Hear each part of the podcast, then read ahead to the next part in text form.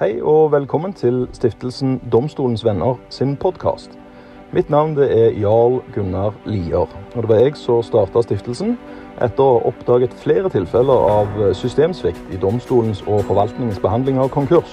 Det mangler lovpålagt revisjon og ettersyn av bostyrere i nær sagt alle bobehandlinger. Kreditorene får nesten aldri tilsendt skyldners side av saken. Tingrettene forkynner og veileder ikke om ankemuligheter i avslutningen av en konkurs. Og til slutt så sletter Brønnøysundregistrene alle bedrifter i foretaksregisteret samme dag som tingretten avslutter bobehandlingen, som en siste spiker i kisten. En bedrift uten organisasjonsnummer kommer nemlig ikke så veldig langt. Systemsvikten har òg fratatt tusenvis av mennesker sine hus og eiendeler, og staten er ansvarlig for alt sammen. Domstolens Venner Foundation er stifta for å kunne samle alle de tusenvis som har pga. disse feilene blitt sendt i fengsel eller fått konkurskarantener ugyldig. Men òg alle kreditorer som har tapt penger helt unødvendig. Domstolens Venner vil derfor gå til gruppesøksmål mot staten på vegne av sine medlemmer, og vil påsørge erstatning for alle de som ikke har fått noen reell mulighet til å fremlegge sine saker for domstolen. Neste episode av podkasten starter nå.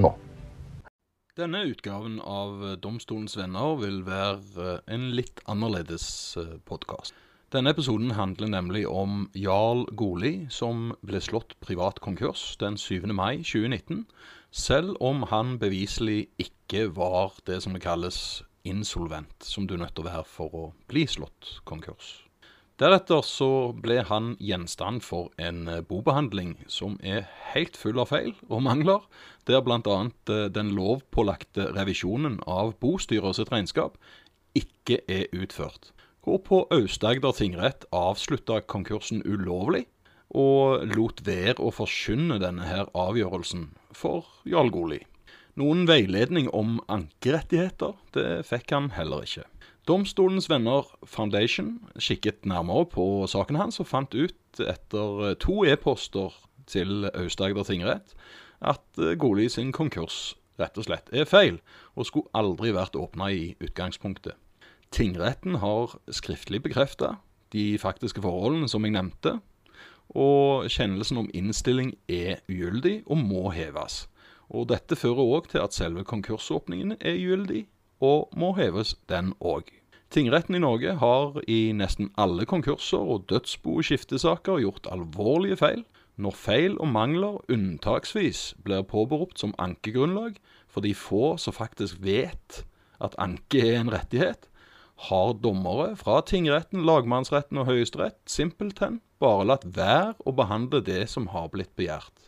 Hør spørsmålene som Jarl Goli leser opp, og still dere sjøl følgende. 1. Hvorfor behandler ikke dommere disse ankegrunnene? Og 2. Hvorfor svarer ingen jurister på dette som vanlige, oss folk, vanlige folk, anser som elementære og opplagte menneskerettigheter?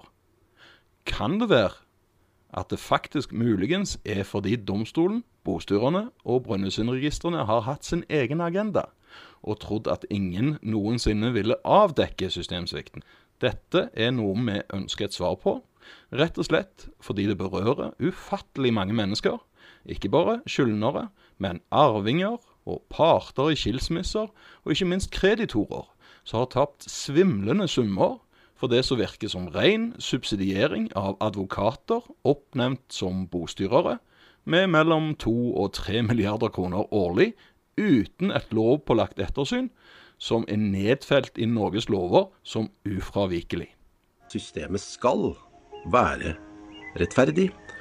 Det skal fungere etter forskrifter, etter lov, og ikke fortolkes i ulike retninger som kan da sette folks liv og helse i fare. Var det greit? Var det tydelig? Og konkursloven, paragraf 90 annet, annen del Jeg er ingen advokat. Oppstillinger av eh, boregnskap. Kan noen jusprofessorer i Norge bekrefte at så lenge revisjon av boregnskapet ikke er utført etter den rettslige standarden god revisjonsskikk, så er dette en saksbehandlingsfeil som kan ankes over i tilknytning til tingrettens kjennelse om å innstille bobehandlingen etter konkurslovens paragraf 135. Og når bostyrer sender ut sin sluttinnberetning, som det heter, så er da han jf. konkursloven paragraf 121 og 122 pliktig å også legge ved revidert boregnskap sammen med skyldners erklæring om at regnskapet er korrekt, slik at kreditorene får et korrekt innblikk i regnskapet og bobehandlingen gjennom minimum 14 dager kreditorene kan bruke til å vurdere om de skal sende inn innsigelser eller ei. Spørsmål to. Og dette er altså det andre spørsmålet vi har stilt til 100 jusprofessorer i Norge, og til noen fremtredende advokater, og jeg antar at de vil svare. Kan du bekrefte at når en bobestyrer ikke har lagt ved skyldners erklæring, når han har sendt sluttinnberetningen til kreditorene, at denne mangelen er en saksbehandlingsfeil som kan ankes over, ettersom kreditorenes rett til å få vite debitors syn på saken ikke er oppfylt? Det var spørsmål nummer to. Og i konkursloven paragraf 135 tredje ledd, siste punkt, så sier man at revisjon skal godkjennes før tingretten kan avsi sin kjennelse om innstilling. Det står ikke av hvem som skal særskilt godkjenne revisjonen, men det antas at det enten er skyldner, ref. erklæring i punkt ovenfor, eller tingretten. Bostyrer kan uansett ikke godkjenne sin egen revisjon. Og da spør vi, også tingretten i Aust-Agder, kan du bekrefte at dersom verken tingretten eller skyldner har godkjent revisjonen av boregnskapet før kjennelse er avsagt, så er dette en saksbehandlingsfeil som kan ankes over?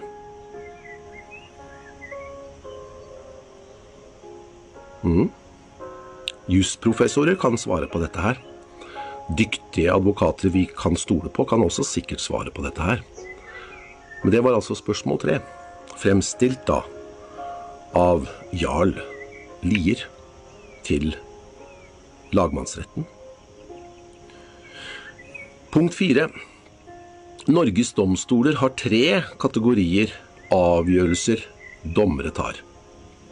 Beslutninger, kjennelser og dom. Når kjennelser og dommer avsies, skal disse avgjørelsene forkynnes for partene og veiledning om anke skal gis til dem som har rettighet til dette. Dette er universelt og gjelder alle kjennelser og dommer, men ikke beslutninger. Spørsmål 4. Kan du bekrefte at så lenge en kjennelse ikke er forkynt, og veiledning over ankemulighet ikke er gitt, så er dette en saksbehandlingsfeil som kan ankes over. Så kommer vi til spørsmål fem. Når en innstillingskjennelse etter konkurslovens paragraf 135 er tatt, er det vanlig 30 dagers ankefrist. Brønnøysundsregistrene kan aldri slette bedrifter i foretaksregisteret før ankefristen har utløpt og kjennelsen om innstilling av bobehandlingen er blitt rettskraftig. Dvs. Si, det ikke er mulig å anke noe mer. Da er livet Da er saken kjørt. Først når ankeperioden er over, kan bedriftene slettes i foretaksregisteret. Det gjelder også enkeltmannsforetak. I min sak. Spørsmål fem. Kan du bekrefte at det i en ankeperiode ikke er anledning til å slette en bedrift ifra foretaksregisteret? Og dersom en bedrift er slettet innen utløpet av ankefristen, er dette i så fall en saksbehandlingsfeil som kan ankes over. Jeg vil si til jusprofessorer i Norge som har fått fem enkle spørsmål som dere må besvare fra samme person. Ikke fra jarl, men fra en mann som prøver å representere domstolene og har kalt seg domstolens venner. jeg er veldig takknemlig for at folk som har brukt 8000 timer av sitt liv med en så stor spisskompetanse som Lier her viser fram, og som hjelper en far som sitter i Spania og har overlevd med å male bilder. Og selvfølgelig befinner meg i en eh, tøff situasjon ved at jeg ikke får kontakt med barnet mitt. Så når da alt er dokumentert tilfredsstillende, og slettinger i Brønnøysundregistrene ligger åpent for alle, så er det bare å gå inn og sjekke. Og en meget dyktig mann som heter Mats Andenes, med æ. Jeg tror du vil hjelpe. Og det du da må gjøre Du fikk jo en henvendelse fra Jarl Lier i mars. Og nå er det jo sommer og sol. Forhåpentligvis også hjemme i Norge. Så jeg vil utfordre deg, Mats Andenes. Se litt på denne saken nå også. Tar du tak som en fagperson som eh, vi har tillit til. Vi skal ha likhet for loven. Rett skal være rett.